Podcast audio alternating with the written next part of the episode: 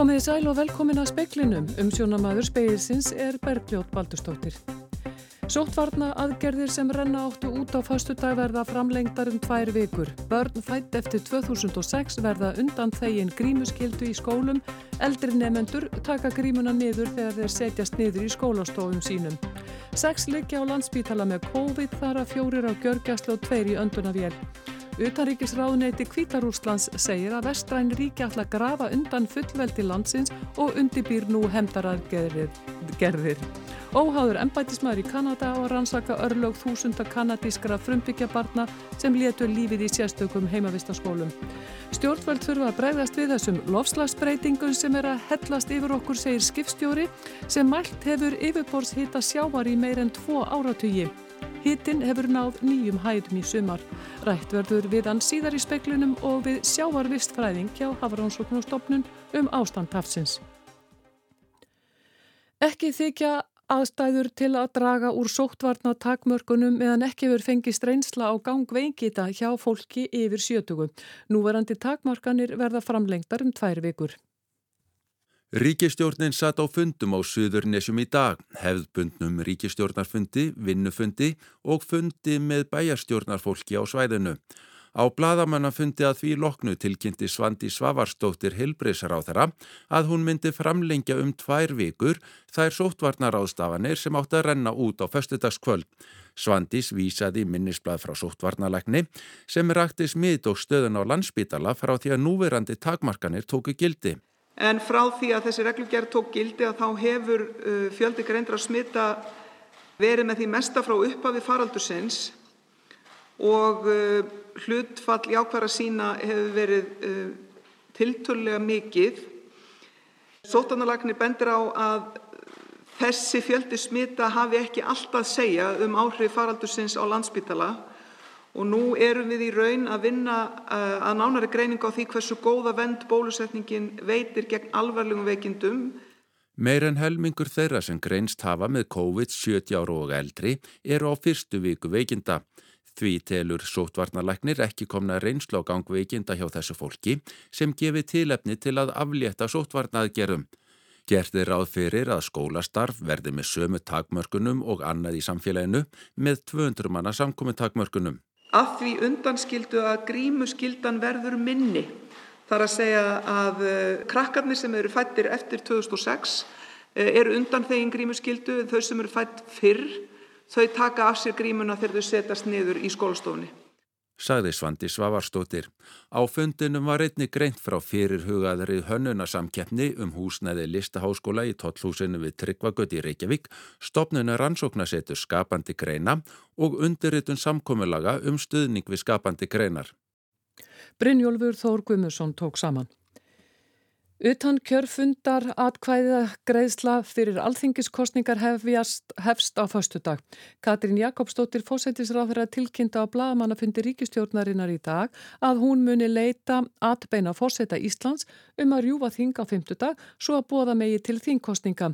Legið hefur fyrir í rúmta ára að kostningar ættu að fara fram 25. september en ekki hefur verið hægt að bóða til þeirra með formlegum hætti þar sem þing hefur ekki verið rofið. Seks sjúklingar likja á landspítala með COVID þar af fjórir á gjörgæslu og tveir í öndunavél. Alls hafa 58 sjúklingar lagst inn á landspítala með COVID í fjórðu bylgu faraldusins. Um 40% eru óbólusett. Átta hafa þurft gjörgæslu stuðning og fjórir þeirra full bólusettir.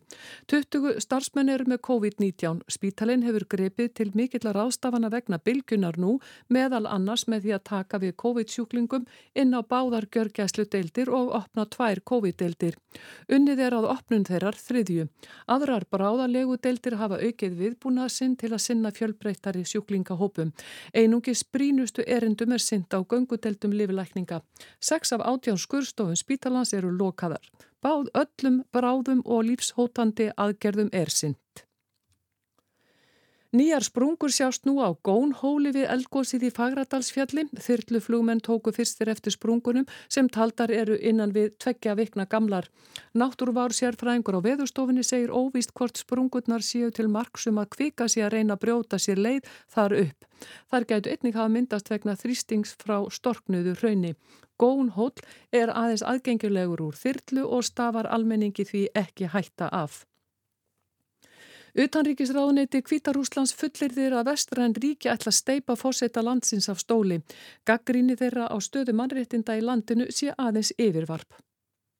Í yfirlýsingu utanríkisráðuneytisins segir að vestrænir andstæðingar Kvítarúslands varpi fram innan tómum slagorðum um vernd mannréttind og líðræðis. Raunverulegur tilgangur þeirra eigi sér ískaldar pólitískar rætur.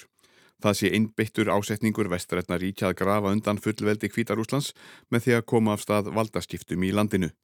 Í yfirlýsingunni segir einni að nýjar refsi aðgerðir bandaríkjana Breitlands og Kanada verði gömgæfðar ítallega og viðegandi hemdar aðgerðir ákveðnar í kjölfarið. Lukasjenka fórseti fordæmdi refsi aðgerðir Breit og bandaríkjamanna á 8 klukkustundar lungum bladamannafundi í gær. Löglega hafi verið staðið að endur kjöri hans 9. ágústi fyrra og hans sé óumdeilt rétt kjörin fórseti landsins. Aðgerðir Kanadamanna eru keimlíkar hinnum og snúað efnahagsþvingunum, banni við inn- og útflutningi helstu framleiðslu vara kvítrúsa og útilokun helstu ráðamanna frá alþjóðlegum fjármálaheimi. Markus Þórhalsson sæði frá. Lettar hafa líst yfir neyðar ástandi við landamærin að Kvítarúslandi vegna fjölda flóttamanna frá mið-Östurlöndum sem sækja yfir þau. Lauruglu á landamæravörðum er heimilt að beita valdi til að snúa flóttamönnunum við og ekki lengur skilt að taka við umsóknum um alþjóðlega vernd. Ásókn yfir landamæri Kvítarúslands til Evrópusambandsríkjana, Lettlands, Litáens og Póllands hefur aukist mjög að undanförnu. Ríkin þrjú og valdamenn í Brussel saka fósetta Kvítarúslands um að beina flóttamönnunum þessa leið í hemdarskyni vegna refsi aðgerða Vesturlanda.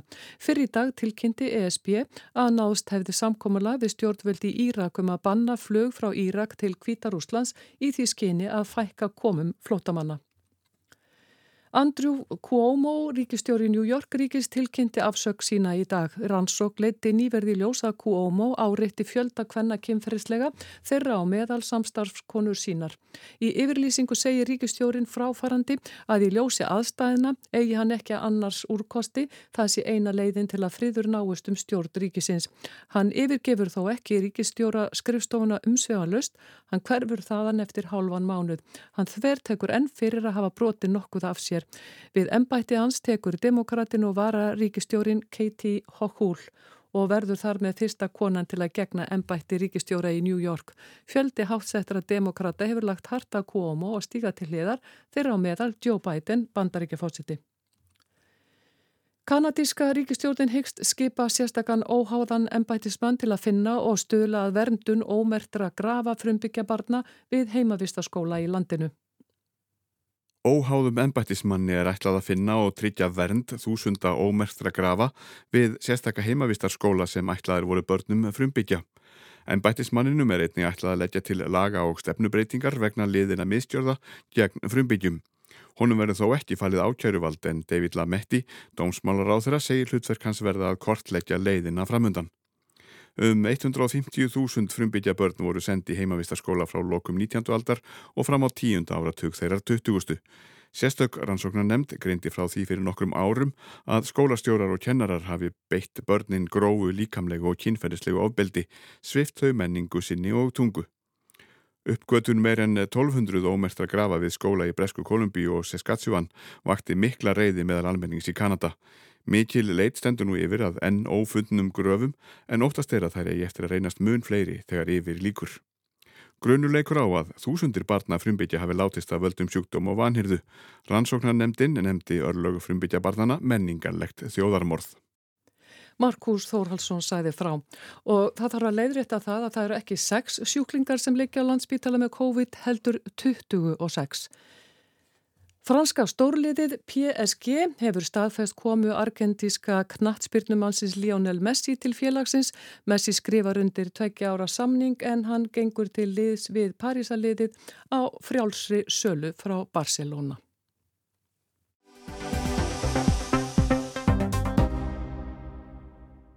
Stjórnvöld þurfa að bregðast við þessum lofslagsbreytingum sem er að hellast yfir okkur, segir Hörður Sigur Bjarnarsson, skipstjóri hjá kvalaskoðunar fyrirtækinu Norðursiklingu, sem mælt hefur yfirborðshitta sjávar í eigafyrðu og skjálfanda í meirinn tvo áratugi.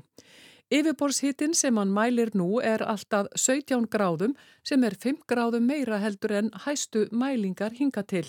Hrönn Egilstóttir, sjávarvist fræðingur hjá Havarónsóknustofnun, segir að lofslagsbreytingarna séu svo viðtækar að erfitt sé að sjá fyrir hvernig áhrifin komi fram í lífríkinu. Bæði Hrönn og Hörður bregðast hér í speklinum við þeim upplýsingum sem koma fram í nýri skýrslu milliríkja nefndar saminuðu þjóðana um lofslagsmál sem kynnt var í gær. Vísindamenn telja að skýrslan marki afgerandi þáttaskil í baráttunni gegn lofslagsbreytingum. Heyrum fyrst hlið harðar sem verið hefur skipstjóri í áratugi og eigandi norður syklingar á Húsavík. Fyrirtækið var stopnað 1995 og frá þeim tíma hefur hörður fylst með yfirborðshitta sjávar. Það má segja það, það fari vel aftur fyrir hérna aldamótið því að, að við gerðum sagt, lista sem að, að skipstjóra er, er hérna, skilt, skilt að færa inn og þar á meðalið sjávarhætti. Þannig að, að þetta svona gerði manni þetta bara sjálfkrafa var til þess að maður fóra að hugsa um lífriki, þróu lífrikisins frá þessum tíma og sjáarhittin var eitt af því sem að, að ég hefur verið að mæla. Gert er ráð fyrir því í logbók bátsins að skipstjórin kanni yfirborðshita sjávar. Svo við snúum að því sem ég get staðið við, við hérna persónulega þá, þá hérna þá er það þannig að, að mesti sjáarhýtti sem ég hef verið að mæla í, í, í hérna, skjálfanda og það er yfirbór sitti, tekka fram með, með hérna, góðum selsjusmæli, alls og góðum kvikarsilusmæli og uh, það eru 12 gráður í heitustu sumrum. Mörg sumur hafa verið þannig að, að hérna, yfirbóri hefur ekki náð þessum 12 gráðum, ekki nála tí. 10, 9, 11 og allt það. Hvað er svona meðal hittin? Já, það má segja það að, að allavega sangvært hérna, þessum, þessum hérna, mælingum mínum. En uh, svo bregður nýra við núna þegar hérna, komin í ágúst og, og, og hérna, ég mæli 16 gráður, 17 gráður, bæði hér á miðjum skjálfand og auðvitaðverðu megafili. Þannig að ég, mér er ekkur í rógastans að, að þetta skuli hafa, uh, þetta skuli vera sko tvöföldun í frávikum eins og vísindamenninni tala um. Þetta, þetta er svo svakalegt að að maður eiginlega bara sko spyr sig hvað er, er vestur spár sko, voru það ekki nógavandar eh, hérna, um, um, um sko hérna þróun, þróun hérna umhverfsbreytingana að manna við þessum breytingana. Hörður segir að erfitt sé að átta sig á því hvað sé eðlilegt og hvað ekki. Það eina sem fólk geti gert sé að reyna að gera sitt besta og minka kólefnissporið eins og kostur er. Breytingar séu að verða á lífríki sjávar en ekki sé ljóst hvaða þýðingu þær hafi. Hörður hefur tekið eftir að hrefnum hefur fækkað mjög mikið og segir að áður fyrr hafi þær verið miklu gæfari. Hann verður líka var við plastmengun í sjónum. Norður sykling er í samvinnu við spænskan lífræðing sem rannsakar plastmagni í sjónum. Á skjálfandunum er þetta gert reglulega og plastið þetta eikst. Þetta sé hver maður en það er það þannig að að, að hérna, plasti fer út í sjóin af margvíslegum ástæðum og, og, og til dæmis sjáarötuðurinn íslenski hérna, sko, veðafærin, það, það er engar kröfur á, á, á hérna, hannum að, að ganga almeinlegum hingráðsahakir við eitt af þessum lösnarónum sem hann hafi í dag en, en hérna, það kemur ekki nála til þessi þúsund tonn sem að, að hérna, þarf að eigða af plasti í, í veðafærum eh, landsmanna, ég veit ekki hérna það, það, er, það ber engin ábyrðu því. Þeist þér að mætti herða einhverja reglur þar? Sko það þarf hérna að mínu viti að, að stjórnvaldi þarf að breyðast við þessum breytingu sem að, að hellast yfir okkur. Og mér, ég er ekki að sjá að, að, að það sé politísku vilji fyrir því að gera breytingar sem eru, eru, eru sem sagt róttækar. Það, það er bara ekki þannig. Þegar meldur er, er útblásturinn frá Íslandingum þá erum við bara ekkert að minka. Hörður segir að lofslags skýrsla saminuð þjóðana sem kom út í gær hafi áhrif á sig. Ef ég er alveg hriskinin þá, þá hérna, er þessi skýrsla þetta hefur hún áhrif á mig. Og, og hérna það sem að, að ég get fyrir, mín, mín hérna, minn veruleika þá, þá hérna, get ég alveg sagt það að, að á nýjönda áratugnum að þá, þá hérna, hafði ég miklar áhyggjur að því sem að, hérna, manni sínist verið raungerast núna. Ég held að myndi ekki verða fyrir svo 2050 en nú er 2021 og það er að gera sig óttast þá að myndi gerast 2050. Sagði hörður Sigur Bjarnason, skipstjóri á Húsavík. Rætt var við Hrönn Egilstóttur sjávarvistfræðing hjá Hafránsókn á stopnun í sjómansfréttum í gerðkveldi og hún fengið til að bregðast við henni nýju skýslu saminuð þjóðana um lofslagsvána. Hún segir að óvisa ríkju um áhrif lofslagsbreytinga á hafið.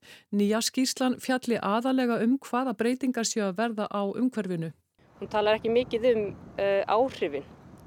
Óvisan fælst aðalega í áhrifunum. Hver, hver verða raunveruleg áhrif og byrtingamind þessara umhverfsbreytinga, það er eitthvað sem er enn nokkuð óvíst. Áhrif súrnunar sjávar séu ekki merkjanleg en hér við land. Áhrif hitastiksbreytinga hafi verið skoðuð en vandin við breytingarnar sé hversu viðtækar er séu. Við erum að tala um marga þættir sem er að breytast á sama tími, þú ert, tíma. Þú ert með hitastiksbreytingar, svo ertum við bara breytingar á í raun og veru uh, hérna, lagskiptingu sjávar, að efsta lag sjávar er að hitna eða hlýna og, og, og þar með verður minni blöndun, það er hægt á því. Það verður að tala um mögulega breytingar á hafströymum vegna þessara umhverfisbreytinga, þar sé að hlýnunar sérstaklega og svo erum við súrnum sjáfa einnig og, og í ofan að það eru að verða aðra breytingar eins og til dæmis bara mengun, plastmengun og vandin sem við stöndum framifyrir í lífræðinni sérstaklega er það að þetta eru svo viðtaka breytingar og svo er erfitt að skoða þetta svona heildrænt á lífrikið, hvernig áhrifin mun koma fram á lífrikið. Við getum nokkur meginn reynd að spá fyrir um það en enn er mjög margt óljóst og mjög margt óunnið í þeim rannsóknum. Hvað getum við gert? Við getum eld rannsóknir mun meir. Við hefum ekki eh, verið að fara í mikla rannsóknir hér á Íslandi á áhrifum súrnunasjávar eða, eða losaspenninga í hafinu. Það hefur ekki verið, ferið mikið fyrir þeim og, og margt sem að útskýri það, til dæmis bara hversu fá við erum hversu fáir eru í þessum rannsóknum en hins vegar þá er, svona, eru áformum að auka þessar rannsóknir hjá Hafrannsóknstofnun til dæmis og, og með aukningu og styrkvi frá umhverfstofnun og, og vonandi umsókn í styrta sjóðir líka þá getum við aukið mjög rannsóknir á áhrifum uh, já, bæði hittastiks og súrnuna sjávar með til dæmis tilurna aðstöðu. Við byggjum hér á landi afkom okkar miklu leiti á sjáurútvegi. E, Getur þetta bara raska því? Það er bara gríðaleg óvisa. Við vitum ofbúslega lítið. Uh, hlínun sjávar, eða hittast í spreytingar, munum og er að valda breytingu á dreifingu fiskistofna. Uh, líklegt er að þorskurum verði nú hér við land áfram en, en svo er spurningin með loðnuna sem er einn aðal fæða þorsksins og brottfall loðnunar getur til dæmis haft gríðaleg áhrif á þorskstofnin. Uh, hins vegar er ofbúslega mikil óvisa þarna ennþá það er, það er svona vandir sem stöndur frammi fyrir í vísindunum, það er óvissan um áhrifin. Og þetta var Hrönn Egilstóttir sjáarvist fræðingur. Marja Sigrún Hilmarsdóttir talaði við hana.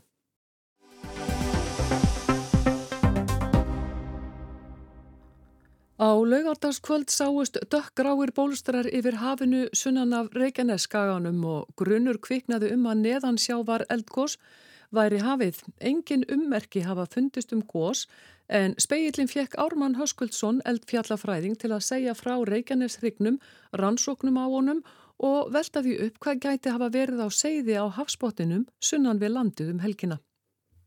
Já, landslagi á Reykjanesrygnum svipar í sjálfum sér mjög til landslags á Reykjanesinu sjálfu. Við erum með þessa hryggi eins og við erum með hérna út á Reykjanesi, hryggi og, og svona fjöllin sem allur er búin til undir jökli og jökull var vatn í sjálfum sér svo fyrir út í sjó og þá erum við bara komin að kafi bað og þá fáum við annars vegar svona hryggi og hins vegar þá erum við líka með hraun sem er svolítið merkilegt. Þannig að við erum bæði með hryggi og hraun og það stjórnast í raun af efnarsansingu kvikuna sjálfar sem er að koma upp. Það stjórnast af því hversu mikið aflir í góðsunu, hversu hratt kemur kvikan upp og svo endan stjórnast það að því að hvern miklu dýpi kvikan er í sjónum. Flesti hryggir sem við sjáum þarna niður á, Reykjanes, á Reykjanesrygnum sem er 900 kilometrar sko, söður í haf, að flesti hryggir eru myndaðir úr bólstrabreyki og það þýðir að eldgóðsin eru frekar róleg, þetta er ekki svona kraftmikil sprungugóðs eins og við þekkjum uh, hérna á Norðurlandi og þar sko, heldur meira eru þau skilt tí sem við erum akkurat að horfa á núna á Reykjanesi. Kemur hægt upp og þegar það kemur hægt upp þá fáum við bólstrana og ef það kemur djúft og hratt upp eins og við sáum í hólurhraunni og svo í kröplueldum og allir því þá fáum við hraun þá sem sagt uh, rennu kemur kvikan svo hratt út hún næri ekki að kolna nógu, nógu fjótt þannig að þá byrjar hún að mynda mikla hraunströma og við vorum einmitt í mjög skemmtilegu verkefni sem að Daniel Þóraldsson sem var hérna í mestaranámi hjá okkur þar sem voru að vinna með vísindöfunum í Kíl sem voru að taka mjög nákvæm gögn á botninum, þá voru komið með kavbát og þá voru komið nær. Og þeim er nær sem að kemst yfirborinu, þeim er flottari verða gögnin, meiri upplýsniðum allt saman. Og þar vorum við bara stein hissa þegar við vorum að skoða gögnin því að þarna eru risa raun sem renna nokkra kílometra frá upptökum sem er bara alveg stórfenglegt að horfa á. Og svo líka erum við með bólstrabreiður og þá sjáum við sjálfum sér þennan mismun í framleiðslu kraftinum á eldgósunum. Og svo ef eldgósi kemur ofnálægt yfirborði og í næri öllum tilvikum sem við þekkjum út frá efnarsamstingunni á, á þessu bergi sem er hann niðri, þá þarf fjallið, það þarf að hlaðast það hátt upp að það eigi eftir svona 100-70 metra til yfirborðs, þá fer kvikan að tætast. Og þá fara að myndast sprengingar og þá fáum við guðustróka og eitthvað slík. Fram að því eina sem gerist í raun, það væru bara skipin sem er sigla þvers og kruss yfir yfir hrygginn eins og veiðirskipin okkur allt saman og þeir eru náttúrulega taka kælivatt til að kæla vélarnar úr sjónum og mæla hitan á kælivattinu og þannig höfum við yfirleitt fengið upplýsingar um hvort það sé eitthvað eldgóðs í gangi að skipin tilkynna að það sé óvenju heitur sjór sem þeir eru að taka inn á kælikerfið í skipinu og það, það er eina sem sjáum í raun vegna þess að þá er svo djúft niður að það er engin tæting og kvikan bara rennur á botninum eins og raun. Gerist þetta oft? Í rauninni gerist þetta oft á landgrunnsbrún Íslands. Það er svona þetta svæði sem við vitum mest um.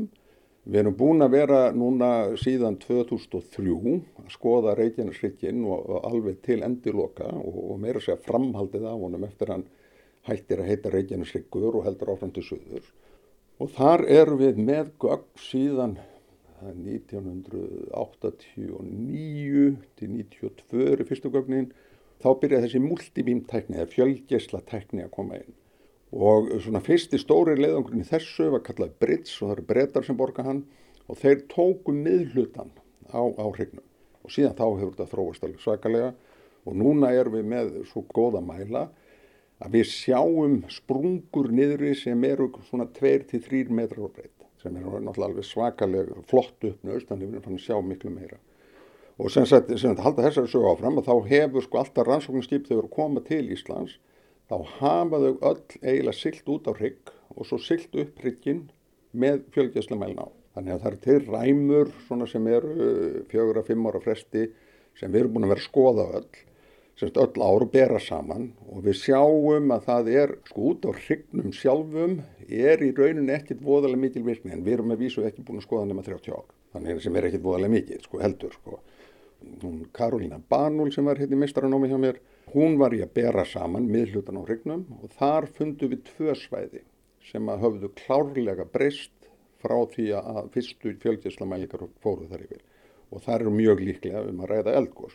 Sérstaklega þá á þessum 30 árum? Á þessum 30 árum, já, já, er, þannig við sjáum þarna mun og það er mælingamunurinn, það eru eitthvað 25 ára milli, milli mælilínuna og sem að akkurat fari yfir sama svæði og við sjáum þar að það er, því að við erum sko með aðal hrikkin mjög vel dekkaðan, alveg 100% dekkaðan, nema landgrunni, við erum ennþá eigum eftir að, að klára það í þessari nákvæmnis fjölgjæslamælingu En það er akkurat sveiði sem er virkast. Við vitum það að það er gís meðaltalið tvísvar og öll.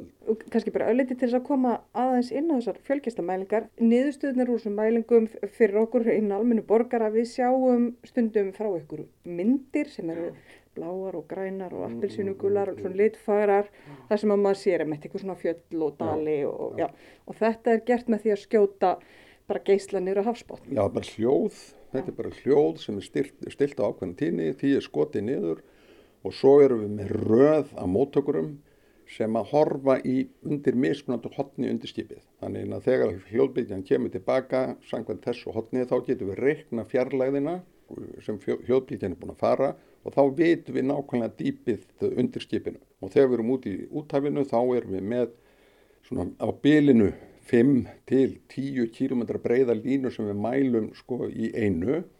En þegar við gerum þetta sem allra þéttast, þá látum við þær skarast um svona 30% og þá fáum við alveg 100%. Það gerðum við 2017 þegar við tókum hérna síðsta partinn, þá letum við hann alveg skarast og, og lokum kortlöfum þar í raunin svæði sem jafn stort úr Ísland, sem er alveg feikilega fagurt og falli í dalir og, og hjálpar okkur mjög við að skilja í raun þetta fyrirbriði Reykjanesvíking sem er mörguleiti mjög skrítinn, hann er skakkur, miða við hvernig flekarnir er að reyfa sig, eldbyrnin er sérstök á honum og ryggurinn, hann er ryggur þeim nær sem hann kemur í Ísland þar sem hann rýs mjög upp. En þegar við förum sunnar þá er aðal hluti hryggjarnisorðin alveg 1000-2000 metrar djúbu dalur sem er, er meira eins og þessir útafsryggir eru en, en svo eru þessi sem hefur verið kallað Íslands áhrifin sem valda því að það gís oftar þeim er nær sem að kemur Íslandi og þá framleiðum við meira og þá fyllum við upp þessa dali að kviku þegar þeim er nær sem kom í Íslandi en þegar við förum fjær þá mingar kvikuframslan þannig að það er landreikið verður meira kröftugra heldur en kvikuframslan.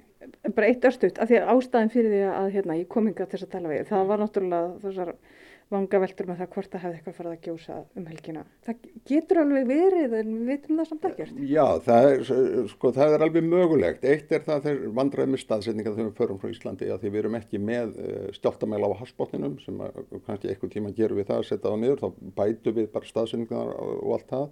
Og það sem er, er tilkynnt, það er að vísu svolítið austar þessir en, en svo kemur áttur á móti að við erum búin að vera aðeins að ná landgrunnu og það er nefnilega svo merkilegt að austan við Reykjanesrygg að þar erum við með fullt af litlum svona gígum sem líti út eins og springigígar og við vitum, þetta er kallað potholes á ennsku og við vitum að þeir eru vegna það er eitthvað sem kemur upp úr skorpunni og þeitir í burtu setlugunum áharsbóttinum og þá verða til svona gígar. En við sáum þetta 2003, við seldum að nefnur og það kom stórt svæði sem bara þakið af svona pittum En náttúrulega móti vitum við ekki út af hverju þeir eru.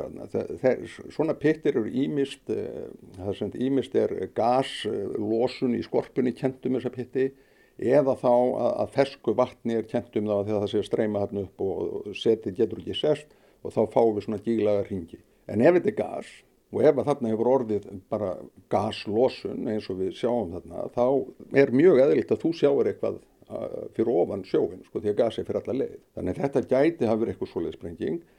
Ef þetta hefði verið út á hrygnum sjálfum og þessum bóðstartin sem sáust, þeir voru eiginlega ekki nógu langt því að þeir hefði þurft að vera meira út á þessu svæði sem gengur út eh, langgrunnsbrúnina.